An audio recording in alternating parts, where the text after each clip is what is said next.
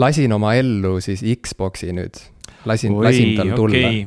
ma lasin on... mm, -hmm. ma mhm. lasin tal tulla ja, ja ma isegi nüüd vaatan seda Xbox'i mm, saamisloo dokumentaali, mis osade kaupa Youtube'i vaikselt niimoodi tilgub. aa ah,, see on mingi uus asi või? kas sa oled vaadanud seda? see on jah, uus, uus asi, mille Xbox'i stuudio ise vist ilmselt, ma ei tea, tellis või mm produtseeris. aga see on täitsa sihuke põnev ja, ja aus sissevaade sellesse, kuidas, kuidas Xbox'i, kuidas Xbox'ini üldse jõuti ja kuidas Microsoft hakkas aru saama, et see võiks olla mingi põnev ähm, projekt, mida ette võtta. Äh, et noh, aus selles mõttes, et seal ikkagi nagu räägitakse täitsa, täitsa otse sellest, kuidas seal oli esialgu suur selline äh, skepsis majas, ei, ei saadud aru, et miks see võiks üldse vajalik olla ja, ja kuidas inimesed kartsid Bill Gatesi, et kuidas, kuidas ikka minna tema jutule selle -hmm. ettepanekuga ja, ja kuidas seal oli sihuke firmasisene konkurents, sest et seal olid ka mingid muud konkureerivad mõtted ja yeah. et sellest kõigest nagu räägitakse üsna otse, eh, nii et eh, selles mõttes ta ei jäta sellist muljet, see, see dokumentaalsari, et see oleks nagu mingisugune äh, sihuke promovideo, mis on lihtsalt nüüd stuudiorahadega Youtube'i paisatud, kus räägitakse, kui, kui toredad ja andekad kõik on ja kuidas kõik on olnud kogu aeg äge ainult, et seda, seda üldse ei ole olnud.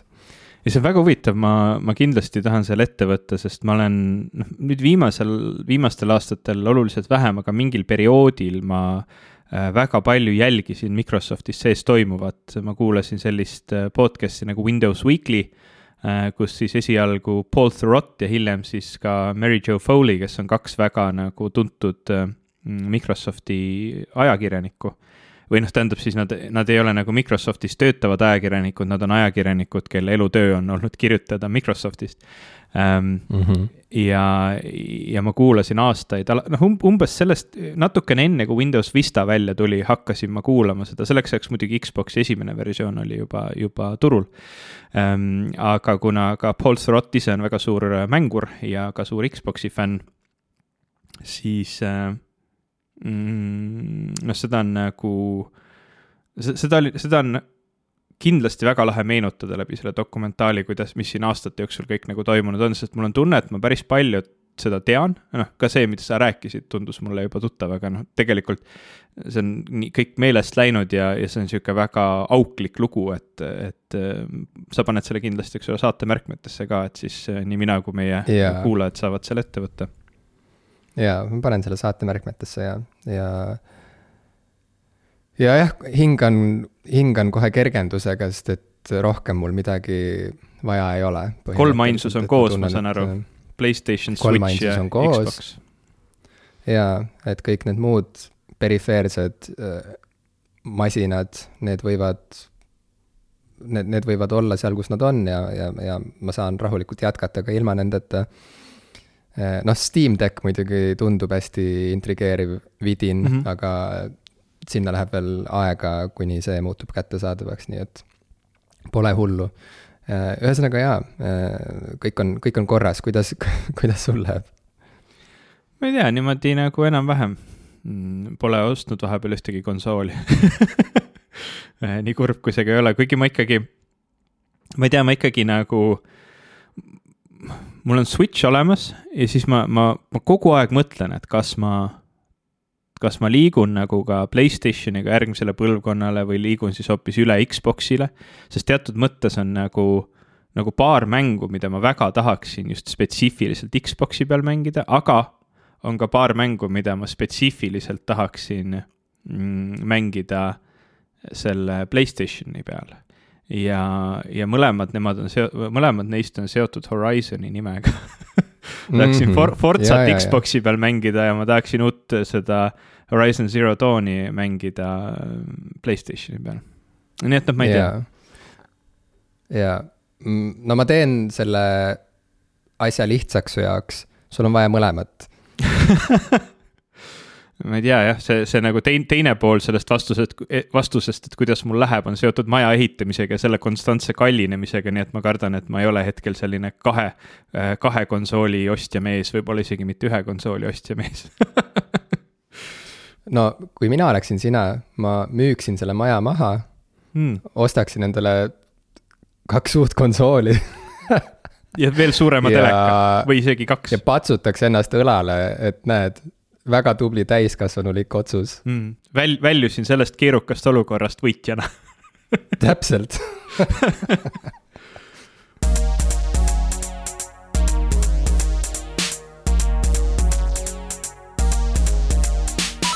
tere, minu nimi on Ivo Krustok.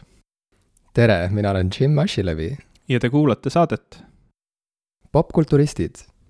Äh, me rääkisime. pean hoiatama, et ei, konsoolid, vabandust, sa tahtsid teha mingit sujuvat sissejuhatust, ma tahtsin kohe sisse sõita hoopis argisema äh, sihukese hoiatusega, et äh, mingil hetkel meie salvestuse ajal võib-olla helistatakse meile koju äh, sealt mis iganes büroost, mis äh, jälgib, kes kus liigub siin Inglismaal, kes, kes kus on olnud kellegi lähedal, kellel on viirus ja, ja kes kus väidab end olevat parasjagu, nii et äh, see kõne, kus ma pean vastuseid andma, võib sisse tulla just meie salvestuse ajal. okei okay..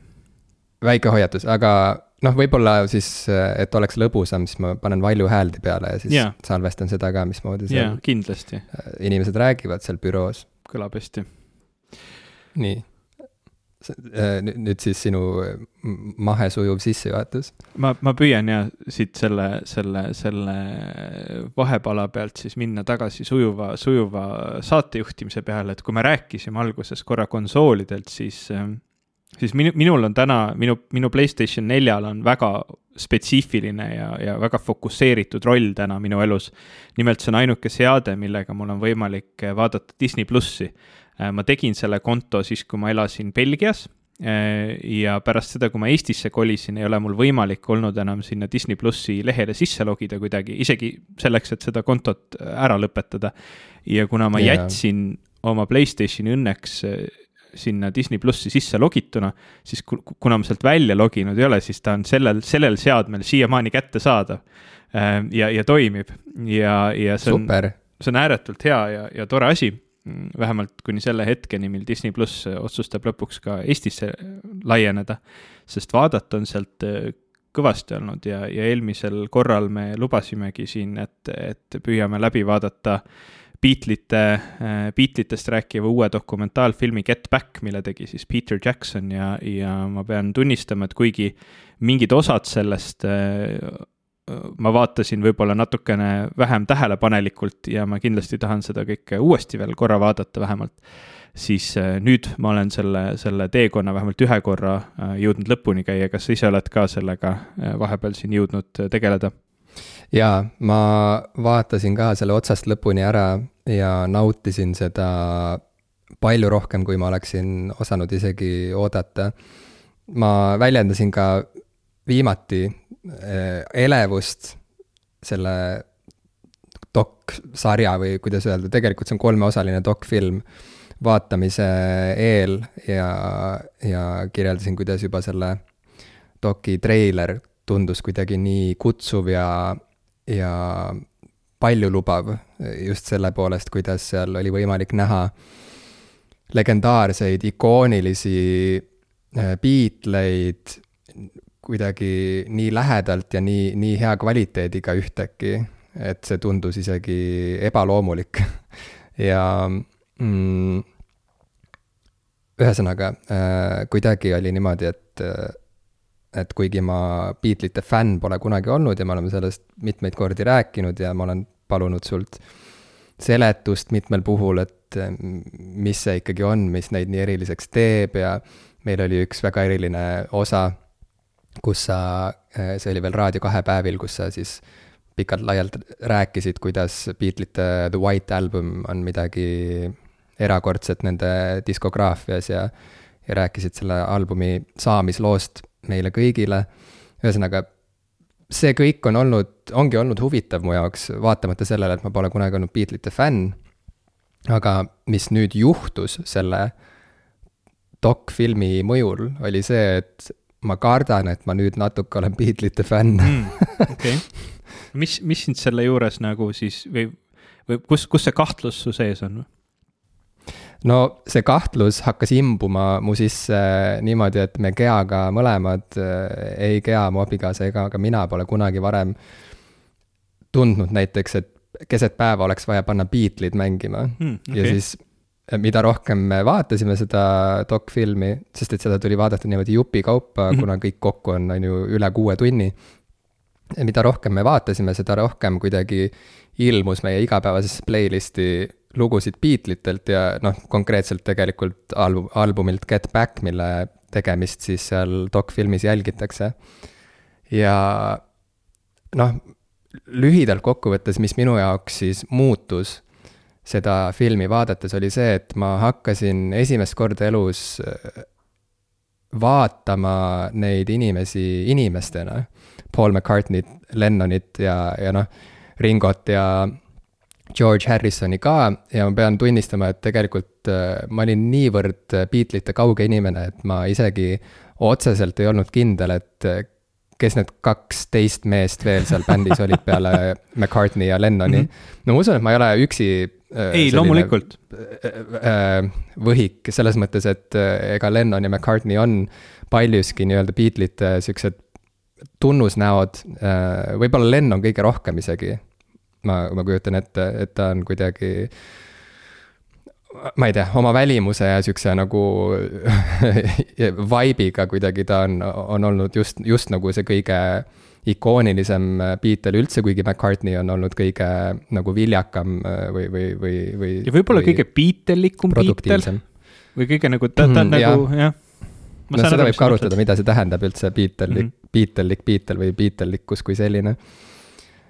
ühesõnaga, see kõik, kogu see hämu nagu kadus ära, et see dokfilm tegi mulle selgeks, et kes need inimesed on, millised on nende iseloomud, millised on nende isiklikud ambitsioonid äh,, miks toimuvad hõõrumised nende bändi liikmete vahel, mis juttu nad, mis möla nad ajavad, mis nalju nad teevad, ühesõnaga kõike seda oli võimalik sealt näha. ja väga harva ikka on võimalik näha midagi, noh, mingeid selliseid ajalookaard-, kaadreid, mis päriselt äh, tõstavad ajaloo nagu sellisest äh, muinasjutu maailmast välja ja, ja paigutavad nad hästi selgelt ikkagi reaalsusesse, et sa hakkadki päriselt uskuma ja tundma, et see kõik toimuski päriselt, need inimesed päriselt istusidki seal kahekümne kaheksa aastastena, tegid oma viimast albumit ja nad olid tavalised inimesed, nad olid äh, väga andekad loomulikult, loomulikult kõik. ja, ja, ja et see, mis nad tegid, et see oligi eriline, noh, et see, ma, ma nagu hakkasin sellest äh, muusikast aru saama mm -hmm. Äh,. sest et siiamaani Beatlesid on alati kõlanud, vaata Tarantino mingisuguses äh, hiljutises intervjuus, võib-olla see oli äh, seal Bret Easton Ellise saates ta ütles, et, et ta pole kunagi olnud Beatlesite fänn, et tal on niisugune tunne, et ta on kuulnud piisavalt palju Beatleid ilma ise nende fänn olemata mm, -hmm. et äh, täiesti rahumeeli enam mitte kunagi neid kuulata okay.. ja, ja ma saan sellest mõnes mõttes aru, sest et mi, ka minu jaoks Beatleid olid ületanud mingisuguse sellise kuulsuse lävendi, kust edasi olid nad juba natuke nagu midagi iseenesestmõistetavat siin maailmas nagu mm õhk ja vesi mm -hmm. ja ma ei tea, puud ja, ja, ja pilved. ja, ja selles mõttes mul ei olnud nagu sealt enam midagi nii-öelda nagu võtta või, või, või, või avastada, et see kõik oli, saad aru, nagu emapiimaga kaasa antud juba. ja mulle tundus, et see on kõik nagu sihuke noh, see on sihuke vältimatu taust, et nad lihtsalt on seal kuskil ja see tegelikult otseselt nagu mind ei köida või mind ei liiguta või mind nagu kaasa ei tõmba noh, nad on olemas sellepärast, et nad on olulised ja nad on mõjutanud noh, lugematul arvul muusikuid, kes äh, pärast neid tegutsema hakkasid ja ilmselt ka paljud bändid, keda mina austan ja armastan mm, -hmm. on tegelikult olnud sügavalt mõjutatud Beatlesitest, nii et kokkuvõttes ma ikkagi ju mõnes mõttes noh, fännan neid, on ju, niimoodi väga kaudselt, aga mul ei ole kunagi olnud vajadust või tungi minna otse allika juurde nii-öelda ja hakata neid siis eraldi uurima, sest et nende muusika iseenesest kõlas mulle vanamoeliselt ja, ja igavalt mm, -hmm. kui nagu hästi äh, siukse äh, laia puuga lajatada. aga, aga siis see muutus, see, see dokfilm päriselt muutis mu perspektiivi ja, ja, ja kuidagi arusaamist. Ja, ja võiks, võiks isegi öelda, et mu kuulmist või, või kuulamisviisi muutis mm -hmm. Beatlesite suhtes. jah, ma täitsa, noh, mõistan väga paljut, mida sa, mida sa rääkisid, sest noh, kuigi minu jaoks on Beatlesid alati olnud nagu väga selline, nagu noh, ongi nagu see the definitive band, eks ole, isegi see noh, ja, ja teatud mõttes on sul igati õigus, et nad ongi lihtsalt nii oluline osa olnud maailma popmuusikast, et noh, nagu põhimõtteliselt ei olegi ei olegi võimalik nagu käsitleda tänapäevast popmuusikat ilma selleta, et, et noh, Beatlitel on sellel olnud mõju ja, ja noh, nagu see on nii läbiv, et, et noh, mis, mis neist siis ikka enam tänapäeval veel, veel noh, mis nendega ikka väga ette võtta. aga ometi ma olen, ma olen Beatleid kuulanud terve oma elu mm, ja ja ma ikka nagu tulen tagasi ja ma ikka avastan midagi uut ja ma ikka avastan midagi lahedat ja, ja, ja see nagu kutsub mind iga natukese aja tagasi, et noh, ma pean ausalt ütlema, et mul on nagu mälestusi lapsepõlvest sellest ähm,, kuidas ma olen kodus ja, ja mu isa on pannud mängima Beatlesid ja, ja kodus niimoodi valjult, mõnusalt niimoodi müdisedes mängib uh, Come Together, noh, see on niisugune hea madala bassiga laul ka ja see, see nagu täidab kogu meie koduse nagu see, see come together'i riff. ja, ja ma mäletan seda, et ma juba siis kuulasin seda, ma juba siis nautisin seda ja täna nii täpselt nendel samadel põhjustel kui ka veel kümnetel uutel põhjustel ma saan seda lugu nautida ja ikkagi sellest nagu väga palju rõõmu tunda. et see on nagu kuidagi noh, nad on erakordne bänd juba ainuüksi selles mõttes, et me räägime siin, kasutades sõna Beatlesid, mis ei ole ju selle bändi nimi, bändi nimi on The Beatles äh, ja, ja on väga vähe bände, kellest eesti keeles räägitakse mingi mugavdatud või eestindatud nagu nimega. ja, ja ikkagi kõik mm -hmm. saavad aru ju, kellest räägitakse, et nad, nad on tegelikult erakordne bänd ja seda filmi oli vaadata minu meelest kõige põnevam, vähemalt minul oli seda kõige põnevam vaadata sellepärast, et, et see kõik kadus sealt ümbert ära see, see erakordsus, see, see nagu mingi kuulsuse loor, see mingisugune maailma noh, nagu üks, üks äh, tähtsamaid bände, see kadus kõik ära ja see, mida sa tegelikult yeah. nägid, olid uskumatult noored inimesed, see, see, see, see yeah., kui noored nad sel ajal olid, noh nagu ma ei tea, kas George Harrison oli kahekümnendate alguses või? Ja, ja see oli. oli või, kas nad ei olnud, kas nad ei olnud kõik ühevanused, sest ei. et mingil hetkel keegi ütles, mainis seal, et me oleme kõik kahekümne kaheksa aastased. ei, minu meelest Harrison oli nendest äh, kõige noorem, ma võin praegu eksida, äh, sest ma nii, nii sügav Beatlesite fänn ei ole ähm,. et, et mäletada, mäletada kõikide sünniaastaid, aga ma vaatan just, et Harrison sündis äh, neljakümne kolmandal aastal ja seda. siis ta pidi olema kakskümmend kuus sest see oli kuuskümmend üheksa oli see aasta, kui seda filmiti um,. jah, ühesõnaga kakskümmend kuus.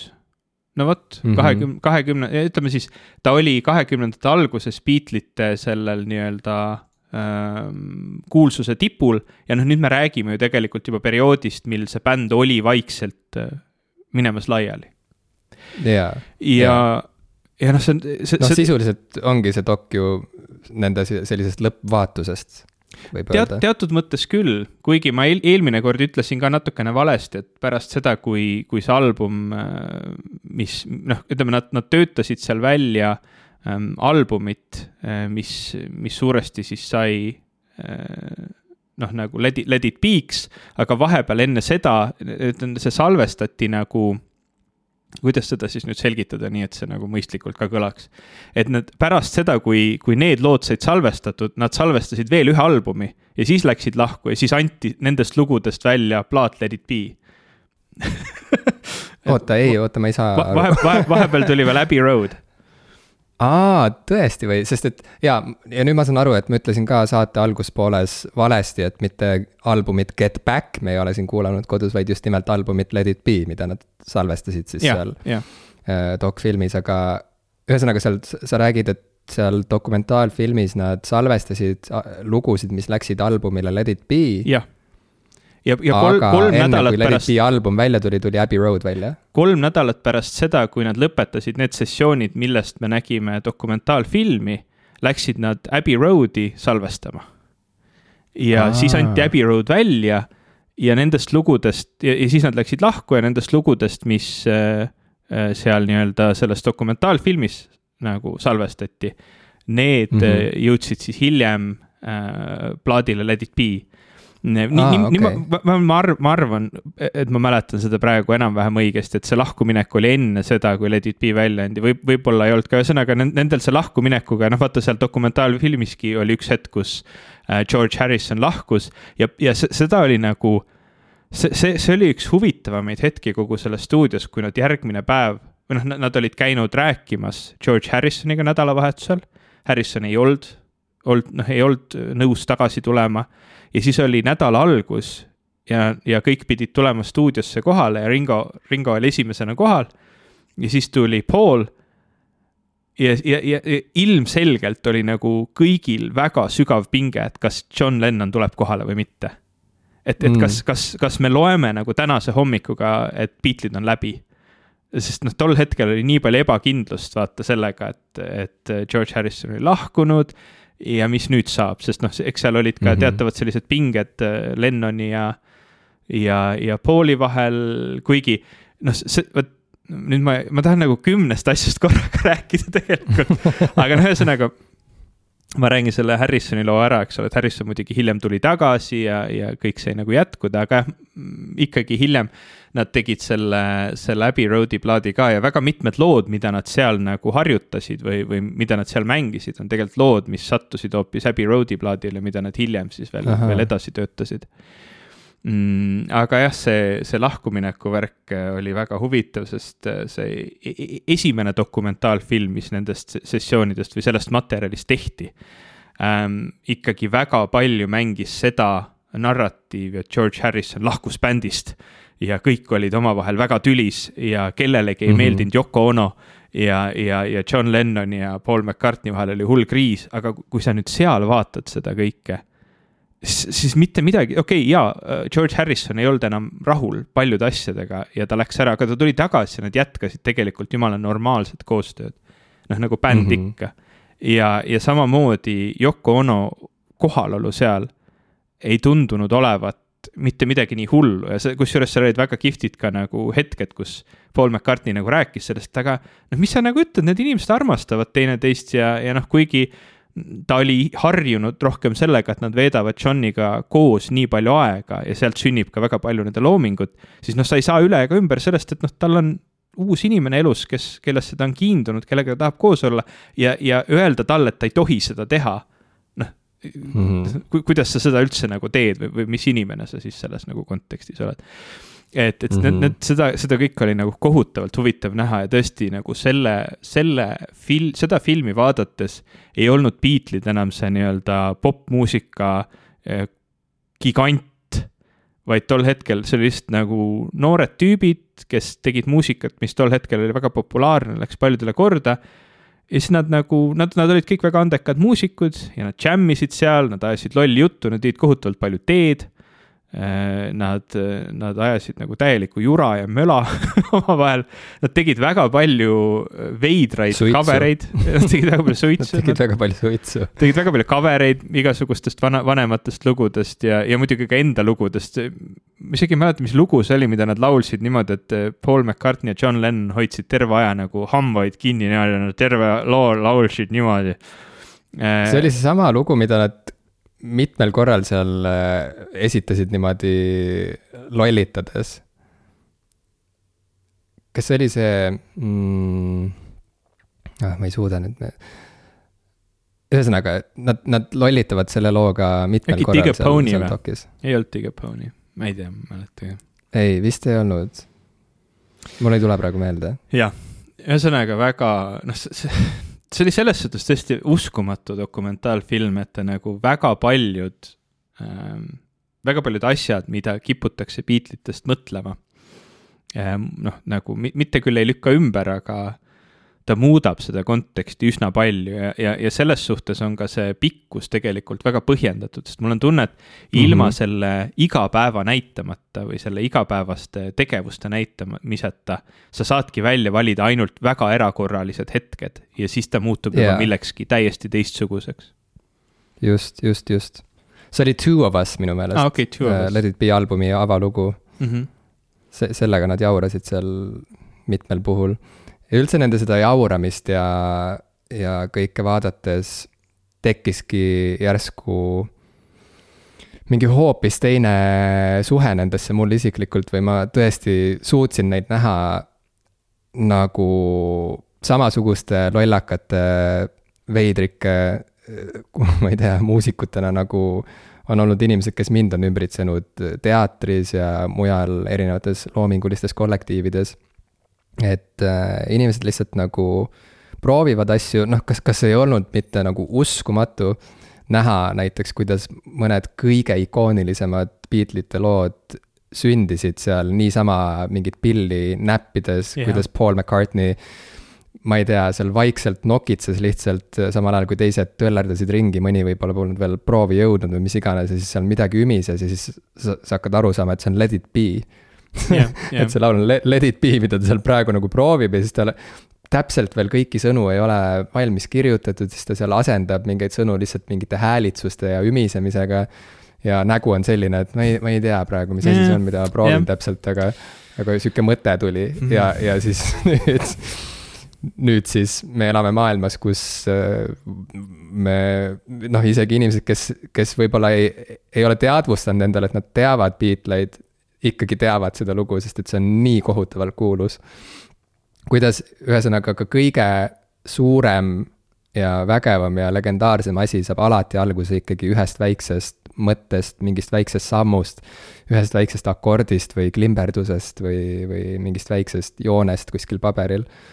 seda kõike näha oli täiesti uskumatu ja selles mõttes see dokfilm on tõesti sama kuidagi vapustav ja, ja vaimustav kui mõni loodusdokumentaalfilm, vaata siis, kui mm -hmm. need läksid aina vägevamaks vaikselt ja hakati kätte saama mingisuguseid aegluupkaadreid ja mingeid öökaadreid mm -hmm. ja mhm, mingeid mhm. veealuseid kaadreid, mida polnud varem nähtud ja nii edasi mm. -hmm. ja, ja et, et see tundus nagu mingi sarnane elamus, sest et mina küll ei ole näinud äh, muusikutest selliseid dokfilme varem, tavaliselt mm. need on alati olnud sellised tagantjärele sellised tragöödiad harilikult. noh, meenuvad. Behind the music. Nirvana, jah, mingid, mingid Nirvana lood või mingisugused, äh, ma ei tea, Amy Winehouse'i dokumentaalfilm või noh, harilikult seal on sihuke, on sihuke paaritunnine selline äh, ilmub ei kusagilt välja üks andekas nooruk, kellesse keegi ei usu ja, ja, ja ja kes ikkagi kõik, kõigi olude kiuste murrab läbi ja siis on lugu tema tõusust ja langusest ja uuest tõusust ja veel suuremast langusest ja mm -hmm. siis viimasest tõusust ja siis kõige suuremast langusest ja siis kõik meenutavad teda hea sõnaga lõpus ja, ja, ja nutavad noh, me oleme rääkinud, et see Billie Eilish'i dok oli, on ju, omamoodi erand mm -hmm. ja, ja, ja äge värskendus. mulle meenub üks veel. selliste narratiivide taustal oli Metallical kunagi selline dokumentaalfilm nagu Some Kind of Monster, aga see on, see oli nii erinev, seal just sellepärast, mida sa välja tõid, et noh, kui, kui selle dokumentaalfilmi puhul, selle Beat-, Beatlesite sarja puhul ähm, oli näha, et tegelikult nagu see, see äh, nagu konflikt, mida sa ootasid, oli tegelikult palju ma-, noh, nagu väiksem kui see, mil mm, -hmm. mis, mhm. mis sul nagu peas oli. siis Some Kind of Monster on nagu jälle see, see on kuidagi natuke rohkem jälle Ameerika, kus noh, nagu mitte ainult seda, seda nagu viha bändikaaslaste vahel pole nagu üles spinnitud veel, veel eriti, vaid nad ongi nagu olidki terve selle filmi nagu kohutavalt vihased üksteise peale ja, ja, ja see, mm. see grupi dünaamika nagu üldse tol hetkel enam ei toimunud.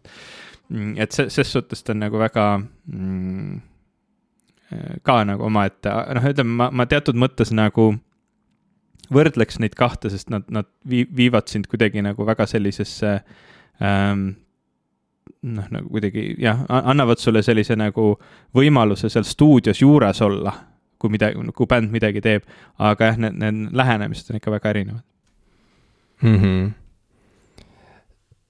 selle Beatlesite doki puhul, mis veel oli eriline, oligi see, et seal seda filmi ei pea hakkama üldse vaatama selle ootusega, et seal midagi jubedalt juhtuks või et seal oleks mingisugune selline, ma ei tea, mingi selge järeldus, mida sellest kõigest kaasa võtta või, või, või mingisugune tohutu paljastus, vaid see on vastupidi, mõnes mõttes selline võimalus olla kärbes Beatlesi stuudioseinal ja ühtlasi see on nagu ajamasin, sellepärast et see pildi kvaliteet ja, ja, ja ja see, kuidas see kõik on kokku monteeritud, on kuidagi nii hea mm. et see tõesti, ma ei tea, kutsub ellu kogu selle Beatlesite maailma yeah. kujul, mida varem pole nähtud. sest et kui nad siiamaani on eksisteerinud meie peades ikkagi selliste noh, ma ei tea, ikoonidena võib öelda ja, ja me oleme harjunud nägema Beatleid teatud valguses ja teatud stilistikas ja teatud albumi kaantel ja teatud fotodel, siis nüüd järsku näha just nagu mingisugust koduvideot, kuigi koduvideo on nagu kehv sõna, sest et see just nagu viitaks mingisugusele kehvale või siuksele, siuksele amatöörlikule äh, kaameratööle ja, ja pildi kvaliteedile, aga ei, see on just vastupidi, väga hoolikalt ja ja professionaalselt üles võetud kõik ja väga kihvtilt kokku lõigatud niimoodi, et kokkuvõttes see on mingit sorti selline seisund millesse vaataja võib sattuda seda dokfilmi vaadates. see on nagu mingit sorti võimalus lihtsalt osaleda Beatlesitega koos ühe loovprojekti valmimisprotsessis. sest et nad ise ka päris täpselt ei tea, mis see on, mida nad teevad, nad seal mõtlevad viis korda ümber, mis see täpselt on. mis, mis on kogu selle asja mõte ja, ja, ja mis võiks olla kogu selle teekonna tulemus ja nii edasi.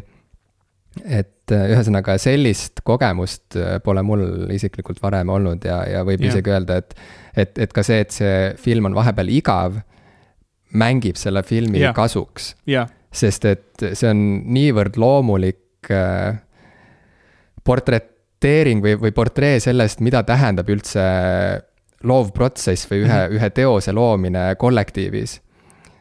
et sealt olekski täiesti vale välja jätta ka need madalpunktid või need mm -hmm. imelikud seisakud, kus kellelgi pole häid mõtteid mm -hmm. ja kus mingid inimesed ei ilmu proovi ja kus keegi on lihtsalt väsinud ja ei viitsi enam mitte midagi teha ja siis käib mingisugune. pillid kukuvad ümber kuskil nurgas kogemata. pillid kukuvad ümber ja keegi, keegi magab kuskil, ma ei tea, käib mingisugune vestlus mingil teemal, et mis me teeme selle looga ja siis bändikaaslane ütleb, et sorry, ma peeretasin just nagu ja.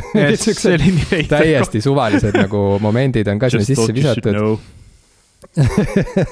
ja, ja, ja see on, see on hämmastav, see on täiesti hämmastav, see on erakordne dokfilm, ma ei väsi seda dokki kiitmast, ma arvan, et Peter Jackson on kinkinud maailmale ühe väga olulise šedöövri. kõigile, keda popkultuur vähegi liigutab, on see kindlasti suur maiuspala siin jõulude eel ja aasta lõpus ja veel sellise aasta lõpus, kus kõik on niigi väsinud ja tüdinud muudest mm. jamadest, mis meid ümbritsevad ja nii edasi, et, et äh, näha sellist ilusat päiksekiirt äh, siin pimeduses oli ikkagi tõeline kingitus ja, ja ma nüüd juba väga tahaks lugeda ka seda raamatut, mille ma sulle ka Eestisse tõin, mis räägib Beatlesitest, mis on noh, ühesõnaga neid raamatuid on tuhandeid, ma kujutan ette tänaseks juba, mis mm -hmm. räägivad Beatlesitest, aga aga äh, siin viimati Inglismaal pildile ilmunud ja natuke laineid löönud raamat One, two, three, four, mille pealkiri on Craig Brown.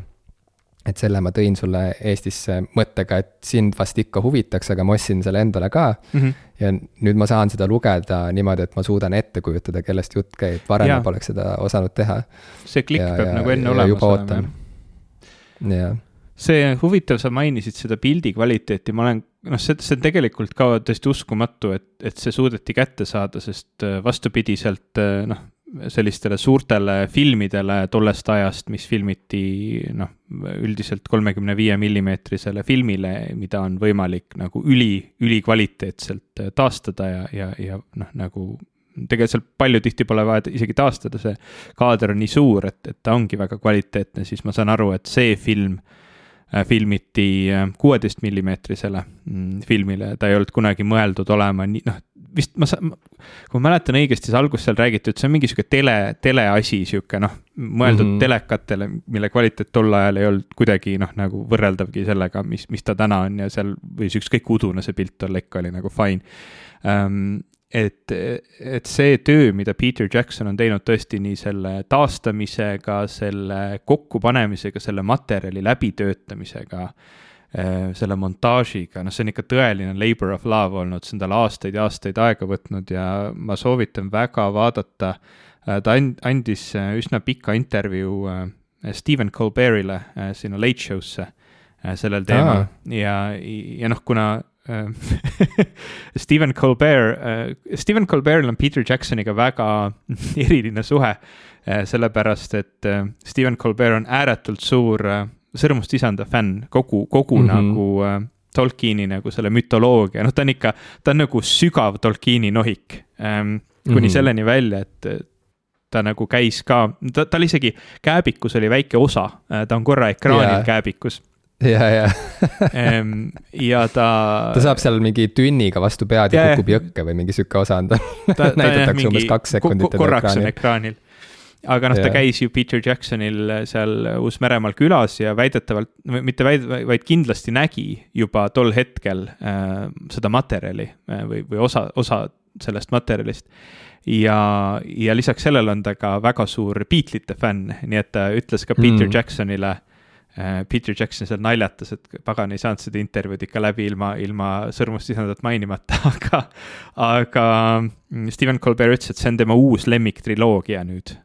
Mm.. et noh, see, kui hästi tõesti see asi kokku pandud on, on, on uskumatu mul, mul on ajus nagu, see ongi nii keeruline, et see on nii pikk ja seal on nii palju asju, et kui sa rääkisid, siis samal ajal ma tahtsin nagu kommenteerida nii palju asju, et, et see kõik läheb nagu sassi mul, ma, mul on raske sellest filmist nagu rääkida tegelikult aga. keel läheb sõlme, sest et ja, äh, nagu sa ütlesid, tahaks kümnest asjast korraga ja, rääkida. kõigest tahaks korraga. et üks pool on tõesti jah, see, kui kvaliteetselt see on, on, on meieni toodud äh, ja teine pool tõesti, millest ma juba enne ka nagu hakkasin rääkima, et see, kuidas nagu äh, ähm,. sa tõesti näed nagu päris bändi te tegutsemist ja sa väga hästi tõid välja selle loomingu protsessi, et, et minu jaoks oli väga üllatav äh, ja, ja tegelikult noh, kui nii palju, ma tegelikult teadsin ju seda Beatlesite kohta, kas ma ei olnud seda vist kunagi internaliseerinud, kui palju nad koos neid asju tegid et noh, tõesti, nad läksid, eks ole, õhtul koju ja, ja hakkasid mingeid oma mõtteid vahel arendama või tulid mingid asjad ja nad tulid hommikul stuudiosse, hakkasid katsetama. aga väga palju nendest lugudest kirjutatigi nagu bändina koos ja hästi paljuski nagu Lennoni ja McCartney, noh, tõesti vahelises dialoogis et, et nad proovisid mingeid suvalisi sõnu, see, see oli ka, see oli nii lahe vaadata, et seal ei olnud nagu sellist mingit hullu äh, noh, mingit oo, ma olen nagu maailmakuulus laulukirjutaja umbes, et ma peaksin kohe suutma midagi mõistlikku öelda, et ma peaks mingeid sügavaid mm -hmm. sõnu kirjutama. ei, täiesti mingit, noh, ütle mida iganes on ju, noh nagu yeah. noh, täiesti. et läheks riimi. jah, et, et Get Back loona ise oli alguses, nad, nad mõtlesid, et aa, millest võiks nagu laulda aa, et noh, nagu praegu toimuvad mingid hullud immigratsiooniteemalised pinged ühiskonnas, siis nagu kirjutasid mingi noh, täiesti nagu viskasid, et aga kuidas, kas see perekonnanimi kõlab nagu ägedalt, aa, võiks, võiks nagu mingi teine perekonnanimi sellel tegelasel olla, noh, mingid nagu mm. -hmm. seda oli nii kihvt jälgida, see tõesti oli üksteise pealt nagu töötamine, et see ei olnud niimoodi, et yeah. nagu istud nurgas ja kirjutad pastakaga paberile oma sügavad tunded, on ju. ja siis, siis lähed nagu bändi ette ja mitte ühtegi asja enam ei tohi muuta, vaid see tõesti oligi hästi nagu sihuke bändi kirjutamise protsess. ja noh, Ringo mm, -hmm. Ringo samamoodi, et kuidas ta nagu noh, Ringost on räägitud tihti äh, kuidagi väga hukkamõistvalt, et ta ei olnud nagu hea trummar kuidagi et, et ta, mingid naljad käisid, et isegi Beatletes oli paremaid trummareid kui Ringo Starr. aga mm., aga noh, tegelikult inimestele, kes on Ringo Starriga noh, tema loominguga tuttavad ja, ja, ja, ja noh, nagu mõistavad seda. siis Ringo Starr on tegelikult kohutavalt hea trummar, sest need, need, see viis, kuidas ta trumme mängis, on, on erakordne, tal, tal on väga oma stiil ja ta ei mängi selliseid trummikäike, nagu tavaliselt trummarid mängivad, vaid, vaid ta nagu kasutab seda väga äh, nagu loo kirjutamisviisina, ta ei, lihtsalt ei paku rütmi, vaid ta pakub mingi elemendi sinna loole juurde lisaks rütmile, ta nagu aitab seda, seda lugu kirjutada. ja seda oli ka mm -hmm. väga huvitav jälgida, mis asjade peale ta tuli ja kui kiiresti ta suutis nagu, nagu tabada ära selle, selle õige asja, mis, mis nagu juurde tuua see on nii lahe, et sa seda niimoodi kirjeldad, sest et see oli üks vaidlusteema meil Geaga, kui me vaatasime seda dokfilmi. mingil hetkel ma pidin filmi panema pausile, sest et meil tekkis arutelu teemal, et kas Ringo on hea trummar või ei ole. ja siis see ajas mind nii närvi, sest et mulle tundus, et alustuseks me kumbki ei tea trummide mängimisest mitte midagi. ma olen natukene trumme mänginud ja ma tean, et see on väga keeruline instrument, mida vallata, see on, see on, see on, see on nii petlik, äh, kuidas äh, trummide mängimine võib tunduda ülimalt lihtsakoeline ja primitiivne isegi inimesele, kes ei ole kunagi trumme mm -hmm. mänginud.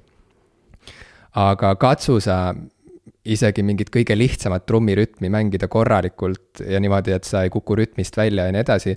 rääkimata siis sellest, et sa suudaksid terve trummikomplekti peal mängida midagi keerulist ja pikka ja huvitavat ja loomingulist ja siis sinna veel juurde pakkuda mingisuguseid mõtteid välja ja äh, improviseerida ja nii edasi, kasutada trummikomplekti, nagu sa ütlesid, loo kirjutamisvahendina. see kõik on äh, aukartust äratavalt keeruline ja siis ühesõnaga, see oli sihuke mõttetu väike vaidlus, mis meil oli, mis eriti kuskile ei viinud. see lõppes sellega, et Gea guugeldas enam-vähem midagi sellist, et is Ringo Starr a good drummer või midagi sellist ja siis tuli seal mingisugune tulemus, et John Lennon ütles, et ei olnud ja ei, noh ja, siis, ja siis ma olin nagu, et kuule, et vaatame palun edasi lihtsalt seda dokki ja las see asi jääb sinna paika. aga see oli meil jututeema eraldi keset seda filmi. see on, ma, ma panen meile saate märkmetesse ühe video ka, mis, see on, see on tehtud Rock n Roll Hall of Fame'i poolt ja selle pealkiri on World's Greatest Drummers Salute Ringo Starr. Et nad, et see, see on jah, nagu see lihtsus tema mängimisel on väga petlik. Ja, ja tal oli nii palju iseloomulikke omadusi, mis, mis veel lisaks nagu juurde andsid, miks ta kõla-, Ringo Starr kõlab nagu Ringo Starr, et, et sa, sa võid teise trummarina seda järgi teha, matkida ja kõlada nagu Ringo Starr, aga trummarina ta on täiesti nagu omaette inimene, esiteks see, et ta oli vasakukäeline mis tähendas mm, -hmm. et ta, mhm. ta liikus mööda trummi, mööda trumme teistmoodi kui paremakäeline trummar siis tal oli see eh, võileiva määrimise liigutus mida, mida kõik ei tee, et noh, kui, kui, kui sa oled, kui sa vaatad tavalist trummarit laval mängimas hi-hat'i, mis on siis see ähm, soolotrummi kõrval olev see osa trummikomplektist, mis teeb sihuke seda häält, eks ole. Siis, siis tavaliselt seda lüüakse niimoodi üles-alla väga nagu sirge liigutusega. Aga kui sa vaatad Ringo Starri mängima, siis ta käsi käib nagu paremale-vasakule, nagu ta määriks võileivale võid. Okei. Et see on nagu väga sihuke spetsiifiline liigutus, mida ta teeb. ja, ja noh, kõik, kõik see koos ja siis see tõesti nagu feeling, mida ta toob lugudele, minu jaoks on, on noh, tegid temast ikkagi väga erakordse trummari, et, et noh, kui sa kuuled näiteks lugu Come Together, siis ma arvan, et on väga vähe trummareid, kes oleks sellise trummiosa sellele loole taha teinud mm.. et noh, see ja see on ainult üks näide mm. -hmm. ja seda oli eriti lahe kuidagi oli vaadata, kuidas see lugu Get Back äh, kokku tuli, sest äh, iseenesest on see nagu ülilihtne lugu, enamus sellest loost on nagu suht ühe noodi peal nagu ta on nagu sihuke vämpimine põhimõtteliselt. ja, ja ta on üks mu lemmiklugusid Beatlesitelt olnud ja mulle on alati kohutavalt meeldinud see, kuidas, kuidas nad esitasid seda seal äh, katusel Ehm, mm. ja vaadata, kuidas see lugu tuligi kokku mingisugusest frustratsioonist neil seal, et noh, nagu lugusid ei tulnud ja kuidagi ei edenenud see protsess väga hästi ja siis McCartney lihtsalt kuidagi nagu seal hommikul, enne kui veel kõik olid üldse kohalgi, vist Lennonit oodati taaskord. Len-, seal, seal, me võime selle juurde tagasi tulla, et Lennon ütles Ringo Starri kohta halvasti ja, ja üldse kogu see suhe Lennoni ja teiste Beatlesite vahel ja Lennoni ja Pauli vahel ja Lennoni suhe maailma enda ja tema naistega, ühesõnaga see kõik on olnud väga kompleksne aga, aga Paul istub seal oma bassiga ja lihtsalt nagu ka vämpib, nagu laseb seda, seda, mängib mingit nooti, mis, millest sa hakkad vaikselt ära tundma, et praegu ta kirjutab lugu või see on esimene kord, kui ta mängib seda, mis, millest saab lugu Get Back.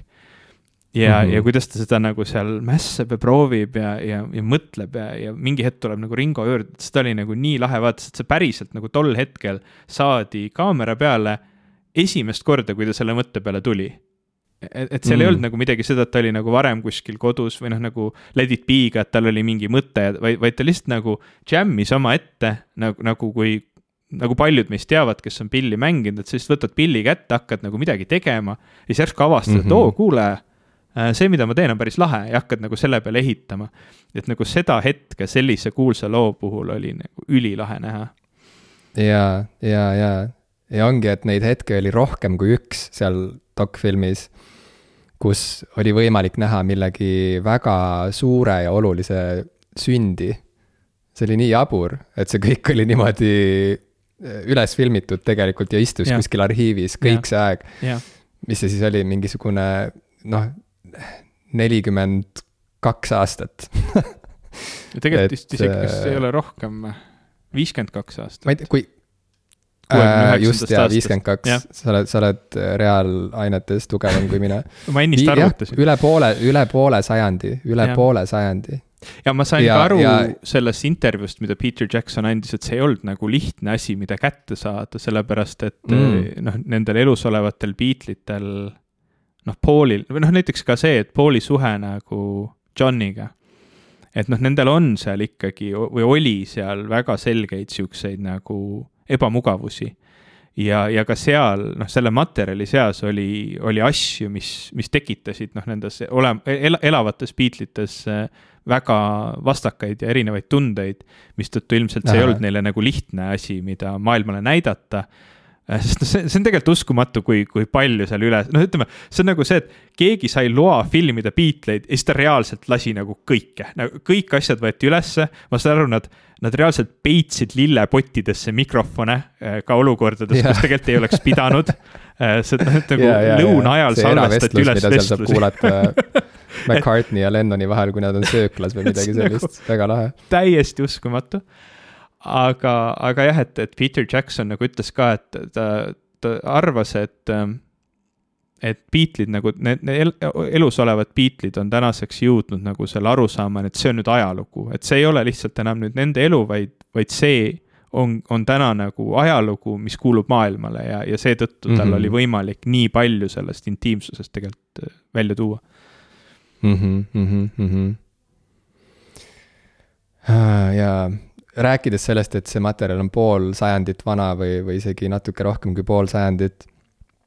Äh, ma ei olnud ka kunagi süvenenud sellesse, et, äh, et jah, et kui noored nad olid alustuseks ja sellesse, et näiteks äh, ühesõnaga, mis ma tahtsin öelda? Läks ära, mõte läks ära, ühesõnaga, et, et nad on, me näeme seal Beatleid mingis sihukeses valguses, mis on minu meelest uus. Ma ei tea, sina oled nende kohta palju uurinud ja nii edasi, kas sa, kas sa nõustud minuga? seda ma ei tea, aga põhimõtteliselt äh, minu jaoks oli seal, noh, minu jaoks, kes, kes ma tean ülimalt vähe nende kohta või teadsin siiamaani, oli seal ikkagi nagu nii palju sellist müüte murdvat ja sellist nagu äh,, ma ei tea, kivistunud mingisuguseid eelarvamusi murdvat materjali. Mm ma üllatusin, kui nägus oli Paul McCartney ja. noorena. habemega ma... ta nägi veel kuidagi eriti lahe välja.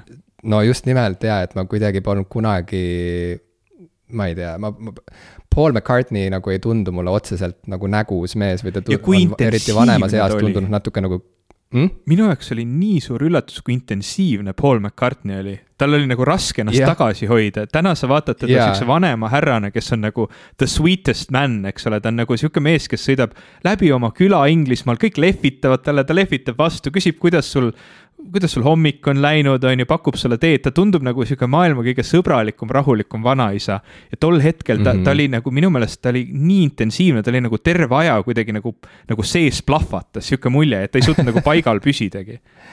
jaa, aga oma, oma väga pehmel ja sellisel äh, sugestiivsel moel mm.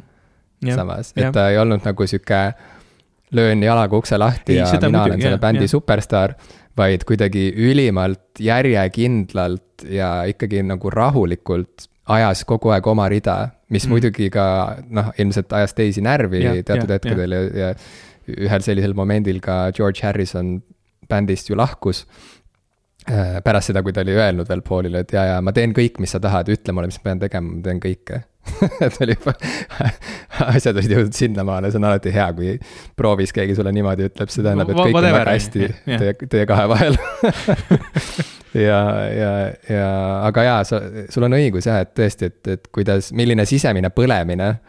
et tõesti müstiline, müstilise siukse mm, ma ei taha kasutada siukseid sõnu, aga praegu ei tule paremat sõna, aura mm, -hmm. müstilise auraga selline mm, isik ikkagi, persoon.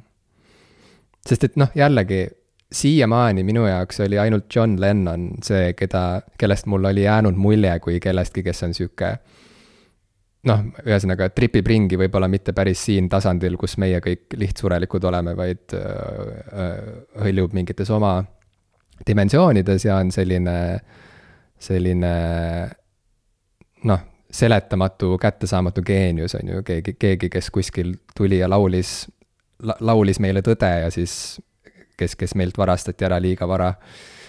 et, et nüüd kuidagi ei tundu üldsegi Lennon enam minu jaoks nagu Beatlesite A ja O või midagi sellist. Mm, ma, ma, ma ei, ma nüüd enam ei saa vaadata seda bändi ühe inimese keskse projektina, vaid ma selgelt ikkagi suudangi nüüd hinnata kõigi nende nelja mehe panust sellesse bändi, sellesse mm, legendaarseks saanud diskograafiasse. Ja, ja ma näen neid nüüd kuidagi palju empaatilisemalt ja, ja, ja, ja, ja noh, nagu ma ütlesin, ma näen neid inimestena, et nad ongi neli sõpra, kes kuidagi juhuse tahtel sattusid kokku juba varases eas ja, ja ma ei tea, sõitsid koos ratastega ja kukkusid põlvi katki ja, ja siis ma ei tea, näppisid mingeid pille koos ja, ja siis üks mõte viis teiseni ja lõpuks sündis sellest kõigest kõigi aegade kõige kuulsam bänd. noh, et see on nagu ja. fantastiline lugu. jah, ja, ja, ja sul on täiesti õigus ja, ja noh, Lennoniga on ka mul see lugu, ma olin teismelisena meeletu Lennoni fänn, noh, õppides pähe tema tsitaate ja tsiteerides teda oma sõpradele hetkedel, kus ma sain selle, seeläbi ise tunda mingit üleolevat tunnet, noh, ma ei tea isegi, kui palju kordi ma olen nagu tsiteerinud äh, Lennoni lugu God äh, selleks, et kedagi lihtsalt närvi ajada. Ähm, sest noh, selline inimene ma, ma kunagi olin ja, ja ega ma selle üle uhkust ei tunne, aga, aga eks me kõik, eks ole, kasvame. Ja, ja noh, ma, ma olin, ma olin nagu tõsine, tõsine Lennoni fänn uh, The man could do no harm või, või nothing wrong. ja uh, ise üles kasvades ja noh, ka mõistes tegelikult, kui noor jällegi John Lennon oli um,. ise üles kasvades, hakates natukene rohkem teda inimesena mõistma ja, ja tema käitumist ja tegemisi ja, ja ütlusi ja noh, kõike seda, kus ta kuidas ta ikkagi käitus oma esimese naisega, mis ei olnud kuidagi okei okay, ähm, või üldse tema suhe naistesse on olnud äh, või oli äh, noh, pigem probleemne, äh, mis ka mm. muidugi hiljem tal nagu ma ei tea, Yokoga või üldse nagu ka ise vanemaks saades nagu ikkagi paranes, aga noh, ta tuli üsna ju jällegi katkisest kodust ja sellel kõigel olid nagu väga tugevad mõjud tema, tema suhetele ja ka suhetele sõpradega, sest äh, Paul ja, ja John olid väga-väga pikka aega väga riius, nad kirjutasid üksteisest laulu, laule.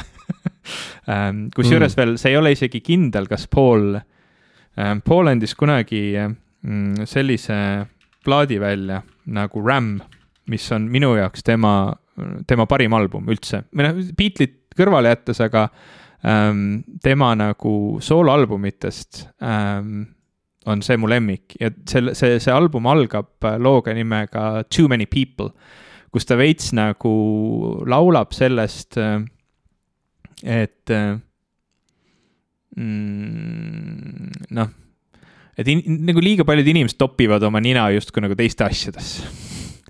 Ähm, ja see oli ajal, kui, kui John ja Yoko ise olid siis nagu väga aktiivsed sellised nagu Mm, sotsiaalse kriitika noh, nagu eestvedajad või nagu siukse sotsiaalse liikumise eestvedajad.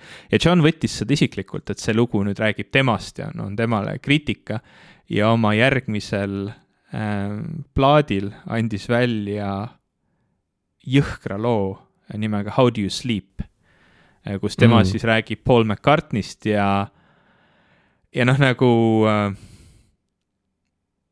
kui seda lugu kuulata ja mõelda, et need olid ühed parimad sõbrad mingi hetk, siis see on ikkagi valus lugu, sest, sest noh, see, see siin, sinna ta ikkagi nagu valas sisse ähm, väga, väga vihased tunded, noh nagu seal, seal on näiteks selline ja kusjuures noh, muidugi see lugu on väga oskuslikult kirjutatud. et noh, need, need on nagu kaval viis teisele nagu halvasti öelda. aga no seal on siuksed sõnad nagu the only thing you, you, you've done was yesterday and since you've gone, you're just another day ja, ja mm. nii edasi, those freaks were right when they said you was dead uh,. mis on siis pikaajaline uh, vandenõuteooria, et Paul McCartney suri uh, juba ammu-ammu Beatlesite ajal ära wow. ja siis ta asendati inimesega, kes nägi välja ja kõlas täpselt nagu mul on isegi raske seda öelda, sest see on nii absurdne. aga ühesõnaga noh et. Äh, see on nagu rap battle, see on nagu mingite räpparite vaheline sihuke. Diss, diss track. teineteise materdamine.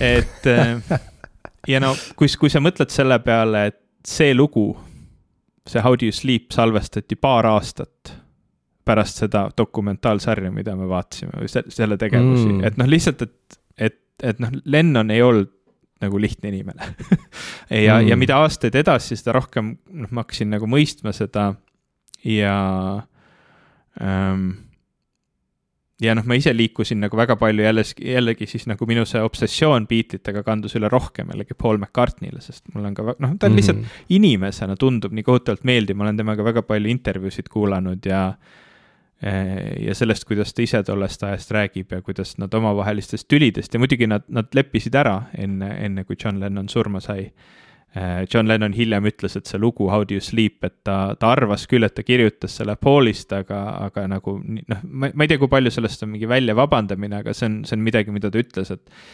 et, et ma, et ma ikkagi ilmselt kirjutasin endast, et nii tihti, kui ma üritan kellestki teisest halba kirjutada, siis pärast ma saan aru, et ma kirjutan endast. Mm.. et, et noh, see on nagu, noh, Lennon on väga imelik või oli, oli väga imelik inimene, selles on väga palju, noh, sellest tegi temast selle staari, kes ta oli ja, ja, ja kõigel muul ka. aga noh, ma mõtlen, et see minu obsessioon temaga teismeeas ilmselt oligi see, et ma olingi see teismeline, kes tahtis nagu ka olla selline terav ja, ja, ja punk ja, noh, ühiskonna vastu kuidagi või võidelda nagu ikka teismeeas, et siis äh, pärast seda mul on nagu jällegi olnud palju raskem äh, John Lennoniga kuidagi samastuda mm.. väga-väga huvitav. kas sa oled näinud, rääkides sellest, et pool sajandit on möödunud, kas sa oled näinud Ringo Starri viimaseid videoid tead, ma ta vahel. andis välja ühe EP. ma vahel kuulan neid asju, mida ta välja annab ja, ja vaatan, ta on nii armas, noh nagu ähm, ta on lihtsalt nii rõõmus inimene ja, ja ma nii naudin yeah, seda, et ta saab teha, mida ta teeb. ja, ja teha kõike, mida ta tahab põhimõtteliselt, aga no., aga tema muusika absoluutselt ei, ei kõneta mind ei, ei, ei, see mingisugune video, mida ma vaatasin pärast noh, ühesõnaga hakkasime kohe vaatama mingeid uusi intervjuusid ja värke mm -hmm. ja, ja uusi videoid, kui, kui see dok läbi sai ja oi-oi, seda Ringo uut videot oli küll raske vaadata Peace and love. mingisugune pala nimega, ühesõnaga alustuseks selle albumi või selle EP kaanekujundus on juba nii ränk, et see tundub nagu mingi nali mm. -hmm. see on umbes sama halb mm, -hmm. kui mhm. olid nagu üheksakümnendatel nende ma ei tea, aasta hiti kassettide kogumikassettide kaaned nagu, et mingi, mingi selle tasandi graafiline disain. ja ja see pala, mis on, ma ei tea siis, kas esimene singel sealt EP-lt või, või mis see on, igal juhul see oli värskelt välja tulnud, selle pealkiri oli midagi sellist nagu Let's change the world või midagi sellist, kus ta siis kütab üsna sarnast sellist sõnumit, nagu oli, ma ei tea, see sihuke Michael Jacksoni, mis tal seal karjääri lõpupoole olid, kus ta seal oli maailmapäästja ja nagu yeah, yeah, näitas yeah, maailma yeah. lõppu ja näitas seda, kuidas inimesed ikkagi saaksid kokku tulla ja nii mm. -hmm. et no äh, saan aru, on ju, tegu on siukse toreda vanaisaga, kes tahab, et kõik saaksid omavahel hästi läbi ja ja kasutab oma platvormi selleks, et, et inimesi kuidagi lepitada ja kokku tuua. ja ta ütles, et ta tegi selle EP noh, pandeemia ajal nüüd lihtsalt ei, ei suutnud nagu niisama toas istuda ja hakkas vaikselt tegema seda, seda EP-d, on ju aga oi, kui jube see, see, see video on. see on nii halb, Ivo, see on nii halb. nojah, ja. ei no mõtlen, et mis, mis ma, ma tõesti, ta on nii tore. Ja, ja mul on nii hea meel, et tal on nii hea ja tore olla, aga jah te,, tema ja. muusika mind ei, ei kõneta. aga see ongi täpselt see, et, et äh, vanaisal on kaamera ja vanaisa on hästi tore ja vanaisal on palju vaba aega ja palju raha ja siis ta teeb ühe toreda video, kus ta ütleb, et saame kõik hästi läbi ikka, et ärme tülitse. Ja siis seal näidatakse kõiki maailma inimesi ja kõik on omavahel sõbralikult koos ja see on nagu aasta cringe äh, yeah. auhind läheb palale yeah.. Let's change the world. oh, see tuleb ka panna saate märkmetesse, seda on raske kirjeldada, see tuleb, seda tuleb ise näha oma silmadega. aga sellele kõigele vaatamata sada protsenti nõus, mul on hea meel, et äh, ta on elus ja terve, oma kõrgele vanusele vaatamata inimene on nii kõbus, et teeb silmad Jaa. ette mõnele viiekümneaastasele, keda ma tunnen. kuidas? ja mängib ikka trummi veel. ja mängib ikka trumme ja teeb, mis tahab ja, ja on tore vanaisa jaa jah, ja üks asi, vaata, me enne korra nagu rääkisime sellest, kuidas või mina, ma ütlesin, et iga, iga, iga aasta on mulle toonud mingeid uusi avastusi ikkagi Beatlesite puhul, et see, see ei ole kuidagi noh, et.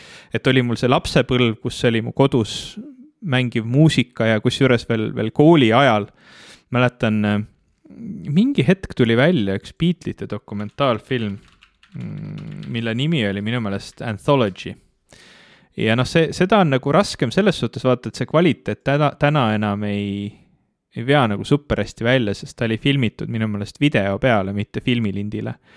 mistõttu ta näeb alati välja nagu üheksakümnendate lõpp ja kahe tuhandendate algus, et seda ei ole võimalik mm -hmm. teha ilusamaks kui, kui video kvaliteet ähm, ja see oli, vot, vot kui noh, see on, see on nagu see definitive äh, nagu äh, Beatlesite dokumentaalfilm, see tehti üheksakümnendate keskel, seal on intervjuud kõikide tol hetkel elus olnud Beatlesitega, sealhulgas ka siis George Harrisoniga. ja see käis läbi noh, terve nende, terve nende karjääri. ja, ja see oli, see oli nagu kihvt asi ja mingi, ma täpselt ei tea, mis põhjusel, kas see oli mingi projekt või lihtsalt fun käisid Anti Kammiste ja Ivo Linna läbi Eesti koole, et näidata klippe sellest filmist ja laulda Beatlesite lugusid mm.. et, et lihtsalt nagu üks päev me kogunesime aulasse ja siis Anti Kammiste oli klaveriga ja Ivo Linna laulis ja meile näidati klippe sellest filmist.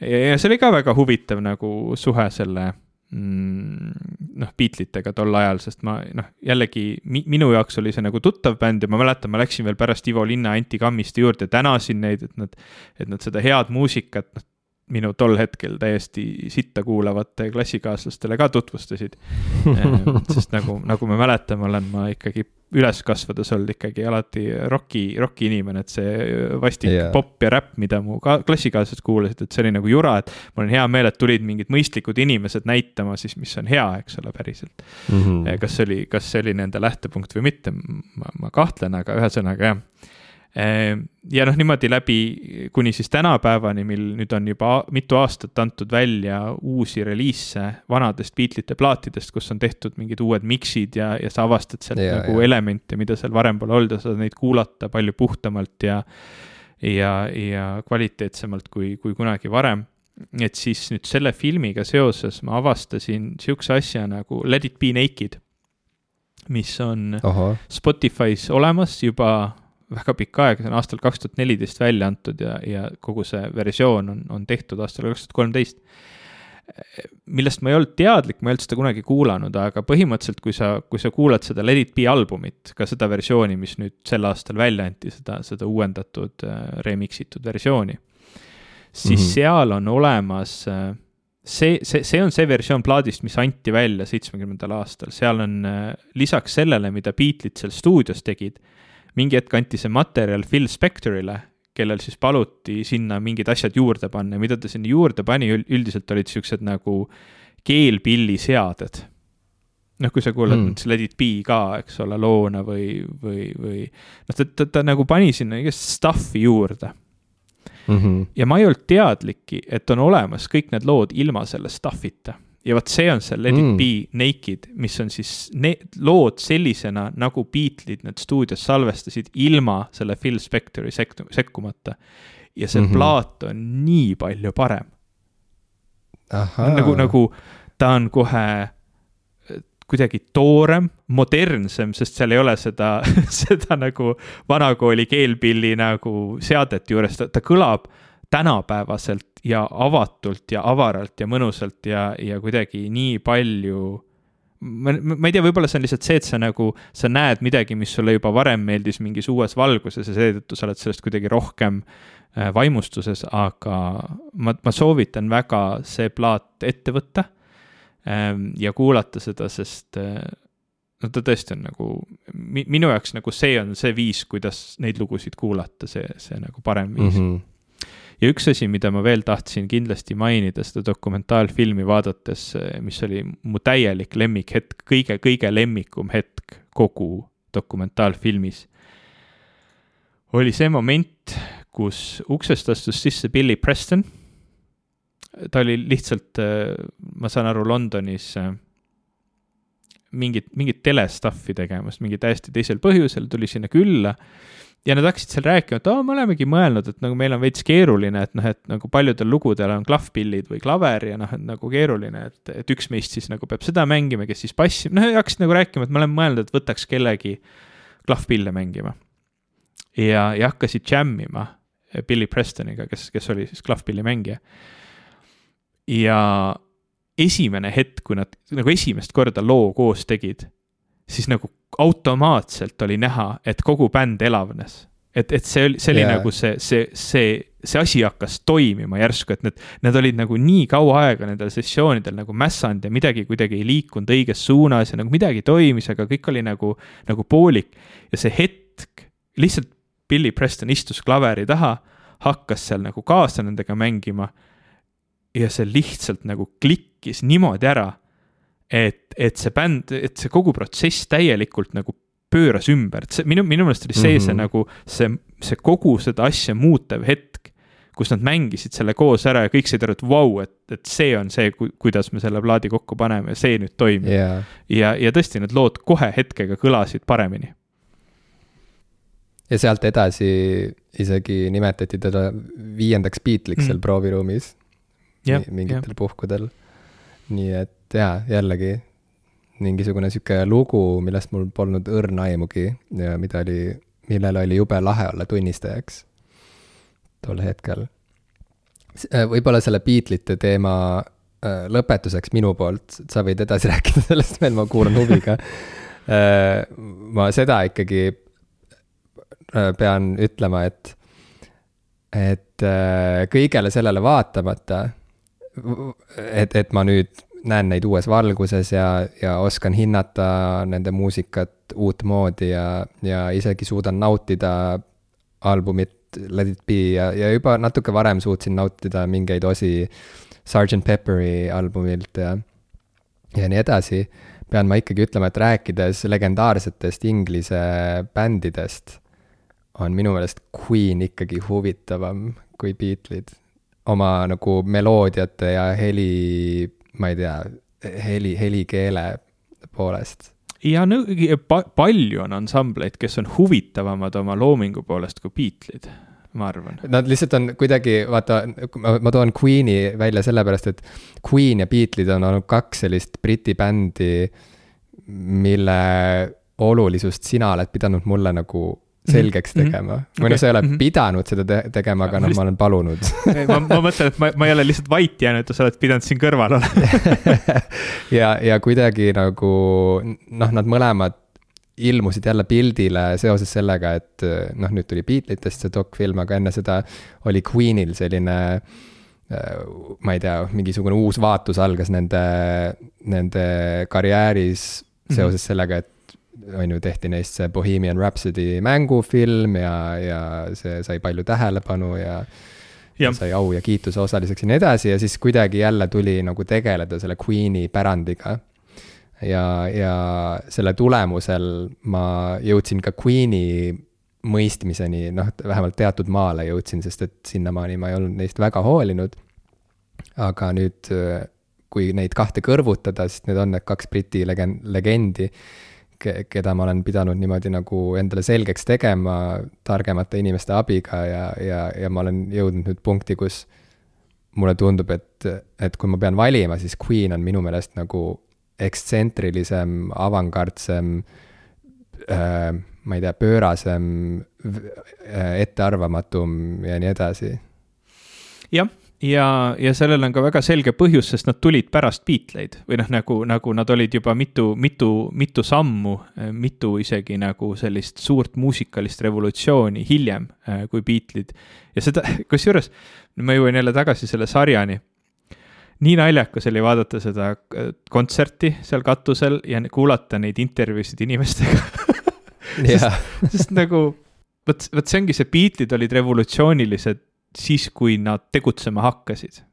ja tä-, tänapäevaks see kõlab meile juba nagu peaaegu nagu lifti muusika, et see kogu see teravus on sealt nagu meie jaoks täielikult ära kadunud, mis mõttes, et kas keegi arvas, et et sellised sõnad ja selline nagu arranžeering ja, ja need natukenegi valjemad kitarrid ja trummid on kellelegi nagu, nagu liiga palju või? tuleb välja, et tolle aja Inglismaa jaoks see oli nagu meeletu, ma ei tea, noorte mürgel. Eh, nagu sa tihtilugu ka nendelt tänaval olevatelt inimestelt küsi-, kü-, noh nagu kuuled seal, et. et see, mulle nii meeldis see vana tädi, kes astus välja ja pahandas, et ta, ta, nad ajasid ta üles unest ta ei ole õnnelik eh, et seda oli nagu noh noh, lihtsalt nagu, et see oli nii vei-, veider asi, mida vaadata, et, et Beatlesid esinevad katusel ja mingid yeah. inimesed nagu seletavad seal all, et noh, nagu yeah. see, see on lihtsalt nii veider kontekst uh,. aga jaa, ma, ma olen ja, sinuga. ja üks koomiline moment oli seal veel, aga ärme seda ära spoil'i inimestele okay., kes äh, veel ei ole seda dok'i näinud, et kes sinna veel kõik kokku tulid. jaa, jaa. see oli, see oli väga naljakas kus, kusjuures see bri-, brit-, britid on ikka täiesti omaette tüüpi inimesi, sest äh, kui see konstaabel, see, see, ma ei tea, kas, ma ei tea, kas. seda ma ütlesin, seda ah, ma mõtlesingi. okei, ma, ma, ma siis seda ei hakka spoil ima, ühesõnaga lihtsalt enam britilikumat hetke ma pole näinud, päriselt mm. -hmm. Ähm, ja ma olen nõus sinuga, ma olen nõus äh, sinuga. et, et kui nagu Queen'i peale mõelda, siis äh, vot siin ongi see hetk, et, et see, see dokumentaalsari Beatlitest oli võimalik, täpselt nagu Peter Jackson ütles, sest Beatlite täna elav, elavad osalised on nõus, et Beatlid on ajalugu ja, ja neid saab käsitleda ajalooliselt. mul on tunne, et ka see nagu Queen'i Bohemian Rhapsody film väga selgelt näitas, et täna elavad Queen'i liikmed ei ole valmis käsitlema Queen'i ajalooliselt. et nad ei ole mm. valmis lahtma, laskma lahti äh, sellest kuvandist, nad ei ole valmis seda lugu nagu päriselt näitama ja rääkima. mistõttu noh, ongi kuidagi nagu see ka, et, et noh, ma väga ootan üks hetk sellist nagu, nagu päris avatud Queen'i käsitlemist ja, ja, ja see aitaks kindlasti ka palju rohkem seda kõike mõista. aga mul on tunne, mhm. et, et see ei ole täna võimalik ja, ja noh, see ka Bohemian Rhapsody film ja kui palju muudeti seda, mis päriselus toimus ja kui palju see oligi nagu see, et et nagu kuidagi need bändi liikmed ikkagi nagu ennast kippusid näitama seal noh, paremini kui, kui Fredi ja noh, kõik, kõik need asjad nagu, mis, mis seal ümber on, natukene nagu häirivad selle loo juures. et ma tahaks näha seda päris lugu ka, aga muidu ma olen sinuga nõus, et jaa, et, et kui mõelda lihtsalt nagu äh, musikaalsuse ja, ja, ja huvitava loomingu osas, siis siis kuigi, kui ma peaksin valima, kas Beatlesid või, või Queen nagu noh, kui ma peaksin need üksteisega kuidagi nagu noh, võrdlusse panema, et kas üks on parem kui teine, siis mul ilmselt kerkiks äh, Beatlesid natuke kõrgemale, aga äh, minu top kolme bändi seas, seda, see, see ilmselt ei ole täna enam nii relevantne, aga kunagi ma sõnastasin endale, mis on kolm lemmikbändi mul üldse. ja nende seas oli äh, Pink Floyd, siis ma nagu, minu jaoks nagu Pink Floyd jällegi ületab Beatleid eh, nende mm, looming mm, -hmm. et, et noh, kui, kui liikuda veel, eks ole, ajas edasi ja, ja Briti muusikas. et jah, sealt leiab kindlasti veel terve hulga bände, ähm, kes, kes peale Beatleid on, on teinud nagu uskumatuid asju ja, ja uskumatult yeah. lahedaid asju ja, ja helikeeleliselt nagu liikusid nii palju kaugemale, aga hoolimata sellest kõigest, siis äh, jah, see on, ma arv-, ma arvan, et see on üks ausamaid ja neutraalsemaid äh, nagu maailma tasemel superstaarbändist nagu, mida me, mida me kunagi oleme näinud ja võib, võib-olla isegi mida, mida on võimalik näha lihtsalt nagu selle materjaliga, mis yeah. täna on. jaa, jaa, väga nõus. ma tahaks seda kõike ka Queen'is tegelikult näha, see oleks väga kihvt. Jällegi nõus ja, ja ka mitmest teisest bändist kas me räägime natukene ka äh, legendaarsest Inglise bändist Radiohead. räägime. sest et Radiohead, kes minu hinnangul on üldse maailma kõige parem bänd mm. kui, kui me hakkame siin võrdlema ja vaidlema. Radiohead on tõesti hea.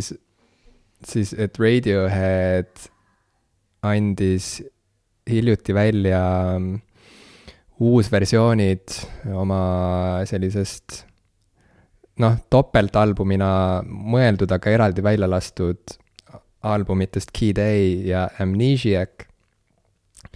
mina muidugi kohe tellisin endale, tellisin endale augu taskusse põhimõtteliselt sest et oli vaja kõiki asju, mida nad seal pakkusid.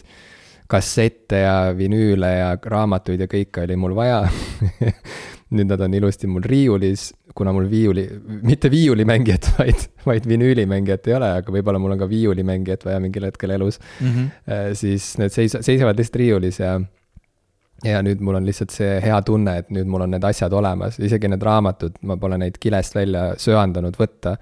aga mida ma söandasin teha, oli tõmmata endale Playstationile äh, Day, või noh, sellel on sihuke keeruline nimi nüüd siis, Key'd Amnesiak või midagi sellist ja mul oli ka selle nimega raske. Key, ühesõnaga Key'd on eraldi, siis on A ja siis on Mnesia. see on selle projekti pealkiri. selle, selle pealkirja alla anti ka need kaks albumit siis koos välja. ja selle, ja selle kõige raames anti välja ka selline virtuaalne näitus. Radioheadil on teatavasti olnud selline noh, üle aastakümnete väldanud hea suhe kunstniku Stanley Donwoodiga, kes on äh, paljuski selle bändi esteetikat ja, ja visuaalset identiteeti kujundanud ja mõjutanud. ja nüüd siis selle uhke piduliku re-release'i puhul äh, loodi selline virtuaalne muuseum kuhu kõik on oodatud, see, sinna saab minna täitsa tasuta, sul on ainult vaja kas PC-d või ilmselt ka Maci peal saab kasutada seda, või siis Playstationi konsooli, aga arvuti peal siis Epiku poest on võimalik tõmmata tasuta alla see, see muuseum enda arvutisse ja saab sinna ilusti siseneda. Ja kas sa ka käisid seal natukene ringi? jaa, ma laadisin ta omale arvutile alla mm. -hmm. keerasin kõik, kõik need kvaliteedinäitajad kohe põhja. ja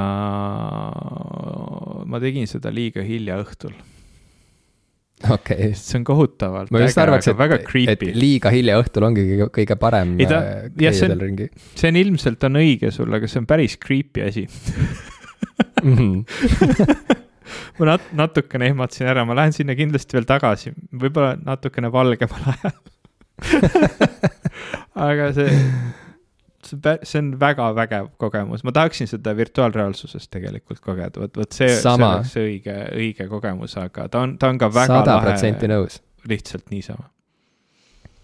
Radiohead on alati olnud, nad on alati olnud sellised innovaatorid ja, ja nad äh, on avasüli alati vastu võtnud äh, kõik, mida uuel ajastul ja uuel tehnoloogial neile pakkuda on. Ja omamoodi sobilik on ka see, et see virtuaalne näitus just nimelt Key Day ja, ja Amnesiaci albumite puhul kokku pandi, sest et need olid sellised, see, see oli murdepunkt nende karjääris, kui nad Key Day välja andsid, nad enam ei olnud rokkbänd põhimõtteliselt sellest punktist alates, mis ajas paljusid fänne segadusse ja siiamaani äh, käsitletakse seda murdepunkti natukene nagu sellise mm, noh, teelahkmena, kust edasi siis mõned fännid ei olnud enam kunagi Radioheadi fännid ja mõned fännid just nimelt sealt punktist alates hakkasid olema Radioheadi fännid yeah,. jah, jah, jah. Ja, ja mina kuulun sinna teise rühma, kes siis just nimelt tänu Key Day'le hakkas Radioheadi hindama ja armastama ja, ja minu jaoks siiamaani Key Day on ikkagi Radioheadi tippteos. kuigi ma suudan hinnata igati ka nende varasemat rokilikumat loomingut ja ma saan aru, miks tegelikult äh, seal teises leeris arvatakse, et just nimelt OK Computer on see äh, moodsa rokkmuusika üks kõige olulisemaid albumeid, üks perfektsemaid albumeid võib-olla, mida kunagi on tehtud ja siis on seal inimesi, kes ütlevad, et The Bends on, on võib-olla tegelikult isegi veel parem ja nii edasi no ühesõnaga, see kõik on lõpuks maitse asi ja selle üle võib ju vaielda seni, kuni lõbus on. aga, aga äh, Key Day sobib väga hästi ja Amnesiac sobib samamoodi väga hästi selliseks virtuaalreaalsuse projektiks. Kuna need olid albumid, mis näitasid, et see bänd on sisenenud nüüd mingisugusesse digitaalsesse reaalsusesse. Äh, see oli üldse selline noh, üleüldine liikumine, mis toimus ka muudel, muudes meediumites ja muudel tasanditel. Eh, sest et ütleme, kui Key Day tuli välja aastal kaks tuhat, kui mälu mind ei peta, siis eh, aasta enne seda oli tulnud välja The Matrix, mis, eks ole, oluliselt ju mõjutas ja muutis seda, mismoodi filme edaspidi tehti, milliseid eriefekte kasutati ja nii edasi, et see oligi väga selge selline murdepunkt. Eh, samal ajal inimestele saabus koju internet, kiire internet. esmakordselt oli, oli internet nii kiire ja nii äh, laialdaselt kättesaadav äh, ja, ja inimesed hakkasid äh, üha rohkem kuidagi kodus end tundma sellises virtuaalses maailmas. Nii et see, et nüüd on Key Day sellisel virtuaalsel kujul meie juures tagasi, on lihtsalt äh, albumi valiku mõttes täiesti põhjendatud ja arusaadav. Mm noh, sealt edasi on ju vist aastal kaks tuhat seitse Radiohead äh, andis välja albumi In Rain, ei, kas see, jah, In Rainbows, mis oli esimene äh, niimoodi laia üldsuse teadvusesse jõudnud näide sellest, kuidas üks bänd annab oma muusika nii-öelda tasuta käest ära mm, -hmm. sest et kõik niikuinii tõmbavad endale illegaalselt alla muusikat. me olime jõudnud punkti, kus äh, noh, juba oldi tõsiselt mures, sellepärast et kas keegi üldse kunagi enam CD-sid ostab ja kas keegi üldse enam muusika eest maksma hakkab. ja siis Radiohead astus jällegi noh, innovaatoritena, nagu nad on, mitte et nad oleksid esimesed, aga nad olid esimesed siuksed suure profiiliga mm. -hmm. no see oli ikka uudis muusikud, tol hetkel, nagu suur uudis. mis jah, ja sellel oli suur uudisväärtus ja, ja see oli jällegi selline statement omamoodi, et ahaa, et me oleme tõesti nüüd uues ajastus et me peame kuidagi ümber mõtestama selle, kuidas, kuidas muusika eest üldse maksta saab või kuidas muusikud edasi saavad tegutseda, kui nad tahavad ellu jääda. ja, ja nad andsid oma albumi jah, siis nii-öelda tasuta ära või õigemini fännid said ise otsustada, kui palju nad tahavad bändile maksta selle albumi eest ja, ja kui neil ei olnud raha, siis nad võisid ka tasuta selle alla tõmmata nii et see, et nad nüüd jälle on jõudnud sinna virtuaalmaailma ja, ja jälle proovivad midagi uut, on jällegi mulle tundub mingisugune omamoodi sihuke äge teetähis mm., kust edasi võiksid ka teised bändid võtta, võtta mitte õppust, aga võt-, noh, saada inspiratsiooni. et mismoodi veel saab fänne endale lähemale tuua, mismoodi veel on võimalik anda inimestele võimalus pääseda loomingule ligi mingil uuel moel. ja ma olen sulle täiesti, ma olen täiesti nõus sinuga, et virtuaalreaalsuses toimiks see kõige paremini üldse ilmselt, et see oleks niivõrd äge, kui saaks sellest ekraanist ka lahti ja saaks ähm, noh, kogu täiega siseneda sinna maailma mm, -hmm. mis nad on ehitanud selle, nende kahe albumi ümber. sest et sisuliselt tegu on ikkagi ju muuseumiga mm. -hmm. see, see, seal on erinevad toad, äh, kus on siis võimalik tutvuda Stanley Donwoodi äh, kunstiteostega ja samal ajal siis täidab neid tube, täidavad erinevad imelikud tegelased, kes on äh, võib-olla mõnele tuttavad Radioheadi plaadikaante äh, vahel nähtud piltidelt ja nii edasi mm,, videotest ja, ja, ja, ja kust veel, aga äh, seal on ka need Kid A ja Amnesiaci palad siis nendes tubades, mis kõlavad kõik nagu mingil veidral uuel moel, ehk siis nad mm -hmm. on mhm. natukene nagu, et nii, nii nagu need Don Woodi kunstiteosed natukene nagu lagunevad ja, ja, ja jooksevad uuesti kokku ootamatul kujul. nõnda siis kõlavad ka need lood natukene nagu äh, abstraktsemalt ja, ja liigestest lahti võetult või, või liigestest lahti võetud kujul, mis on väga-väga huvitav ja selline nagu sihuke tripi äh, kogemus kokkuvõttes. ma saan aru, miks seda võib-olla hilisõhtul ja vales meeleolus kõhe vaadata ja kogeda. Äh, need ei ole väga rõõmsad albumid yeah. ja, ja, ja see esteetika, mis selles muuseumis valitseb, ei ole teab mis, vabandust, teab mis äh, helge aga õiges meeleolus sinna sisse minnes on see kõik ikkagi ka väga lummav ja, ja huvitav yeah. ja ja, ja uudne. see on super hästi tehtud, ma, ma väga tunnistan ja, ja, ja eriti see kuidagi algus ka minu meelest Kid A avalugu Everything in its right place on üks parima üks parimaid avalugusid üldse või, või, või noh, nagu see heli. sada protsenti nõus. Need esimesed noodid on nii rahuldust tekitava heliga ähm,. Ta on kuidagi yeah, nii maitsev yeah,, yeah. see pala algus yeah,, et, et yeah. ka see nagu ha hakata se selle, selle nagu kuidagi selle taustal või siis noh, ma, ma isegi ei oska seda kir-, sina kirjeldasid seda väga hästi, et kuidas ta on, see kõik on kuidagi nagu lag-, lagundatud ja kokku toodud või hakka, hakata selle aimduste taustal seal ringi liikuma oli, oli väga mõnus.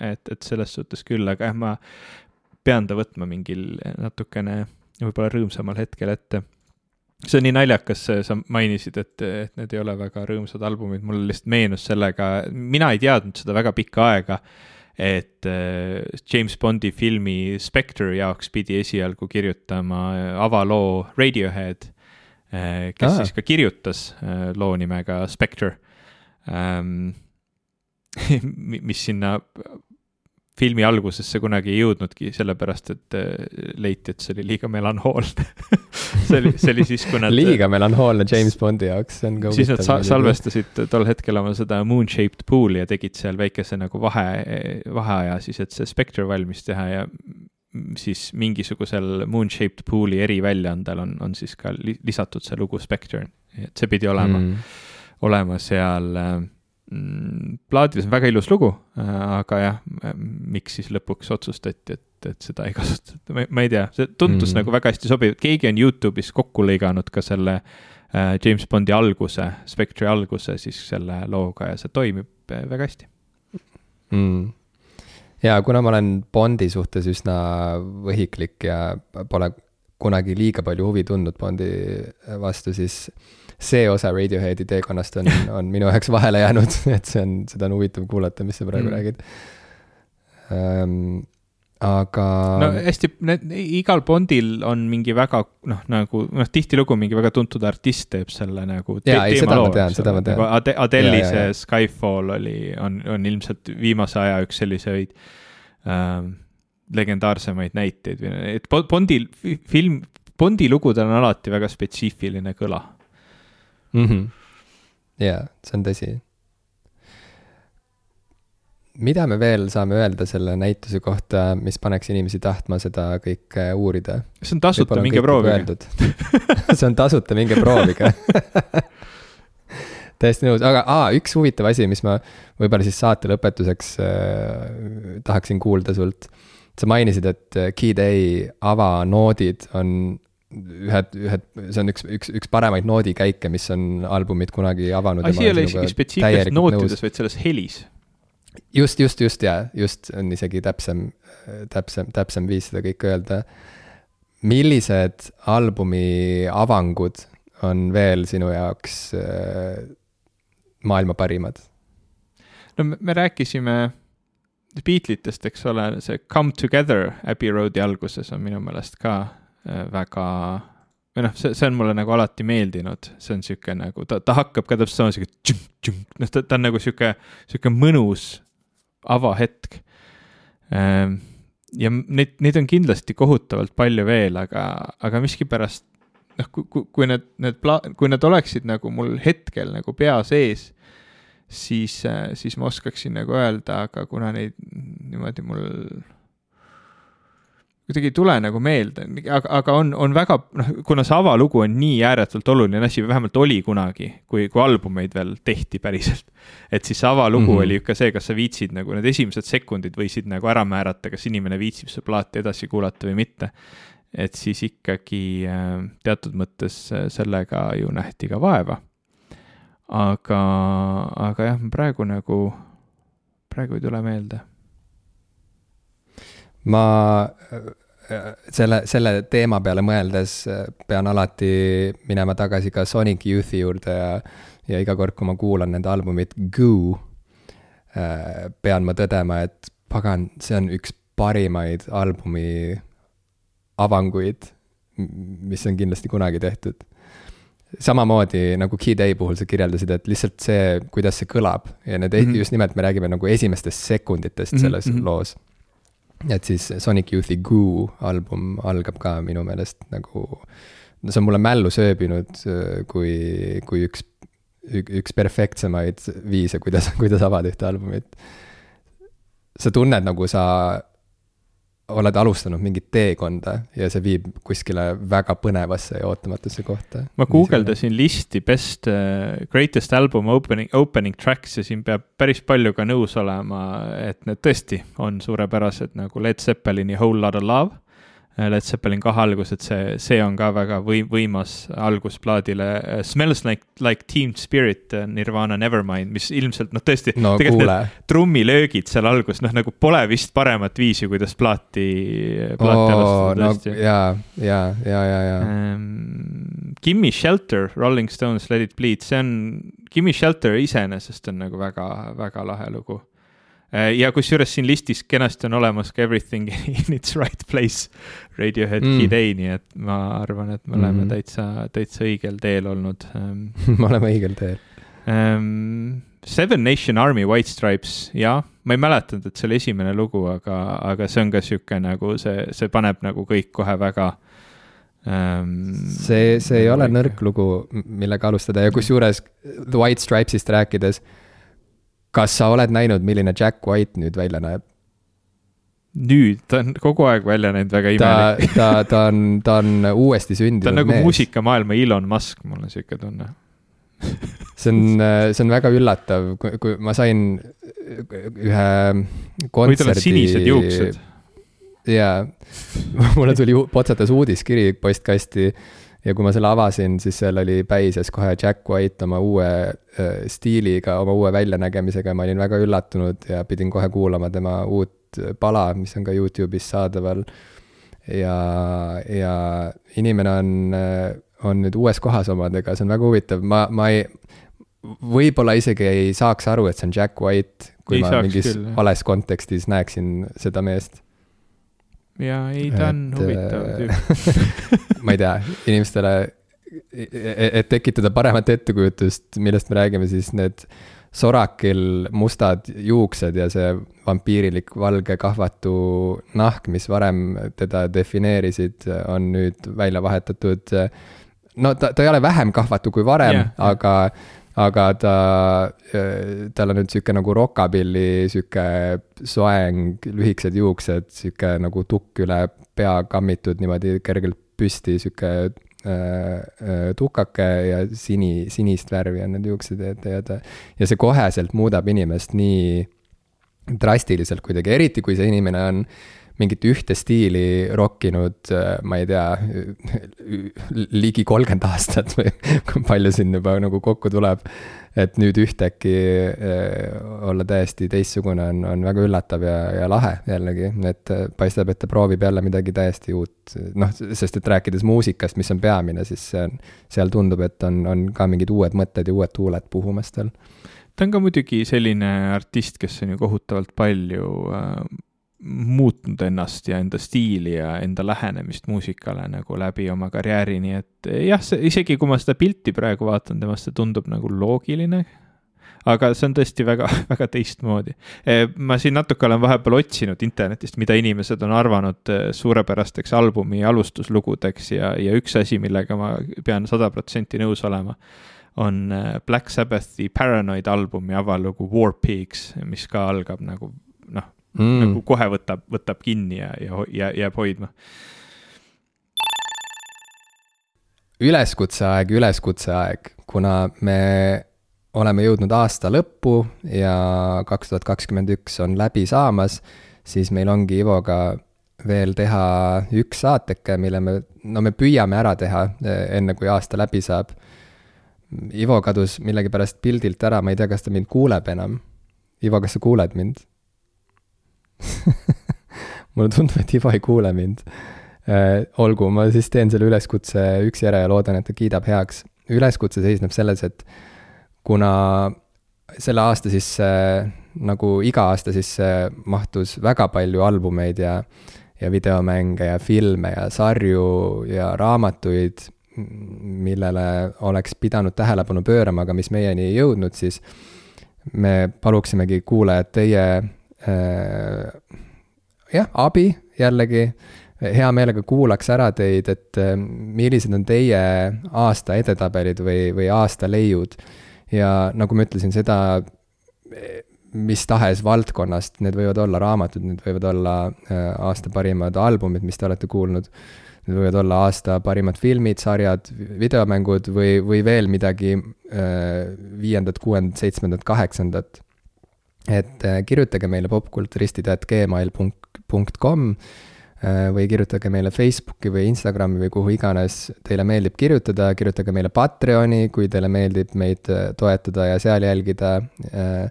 Patreon.com kaldkriips popkulturistid, ühesõnaga andke meile nüüd märku ja tõesti nüüd, enne kui me selle viimase osa ära salvestame mõne päeva pärast, et millised on olnud teie aasta kaks tuhat kakskümmend üks lemmikleiud, lemmikavastused, hästi tore on varasematel aastatel olnud kuulda äh, teie mõtteid ja soovitusi sellel rindel.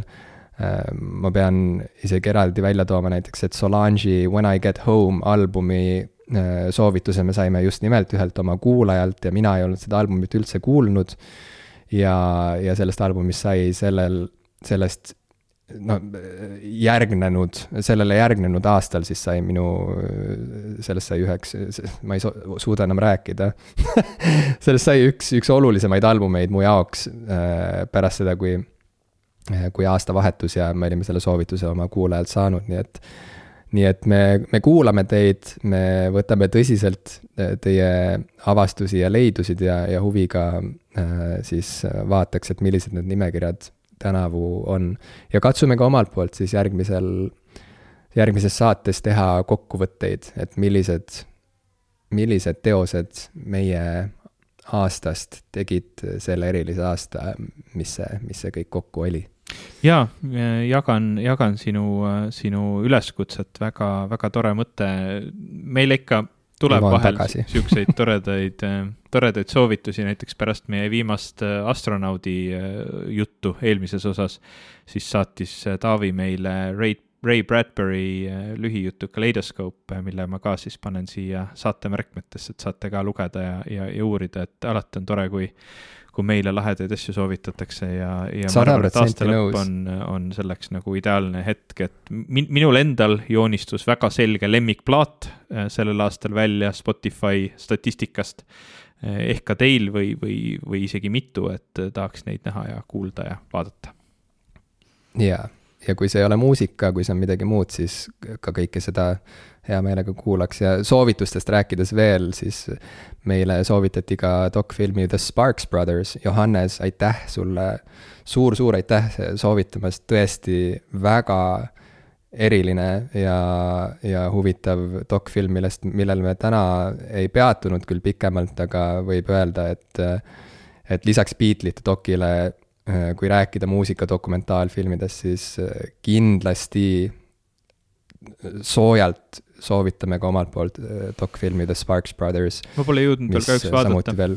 aga ma tahan Aa, väga. no vot, äh, vaata ära, see on, see on, see on väärt, selle režissöör on Edgar Wright ja see oli ka PÖFFil, nagu ma aru saan, ja räägib siis ansamblist Sparks, mille kogu point seisnebki selles, mitte selle bändi point ei seisne selles, aga selle doki point seisneb selles ja ja sellest ähm, äh, on ka ilmselt paljud inimesed varem äh, aru saanud, fännid, et, äh, et see on, et tegu on bändiga, mis just nagu peaks olema palju kuulsam, kui see mm, on. mm.. ja, ja tegu on bändiga, mis on nii-öelda sinu lemmikbändi lemmikbänd. ja, nad, ja nad on ja, nii friikid, et ma nii tahan juba näha, mis, mis seal dokumentaalis on jaa, ma isegi kaalun nende kontserdile minemist mm. Londonisse, vaatame, kas see õnnestub, aga aga jällegi vaatasime Geaga selle ära, teadmata Sparksist praktiliselt mitte midagi.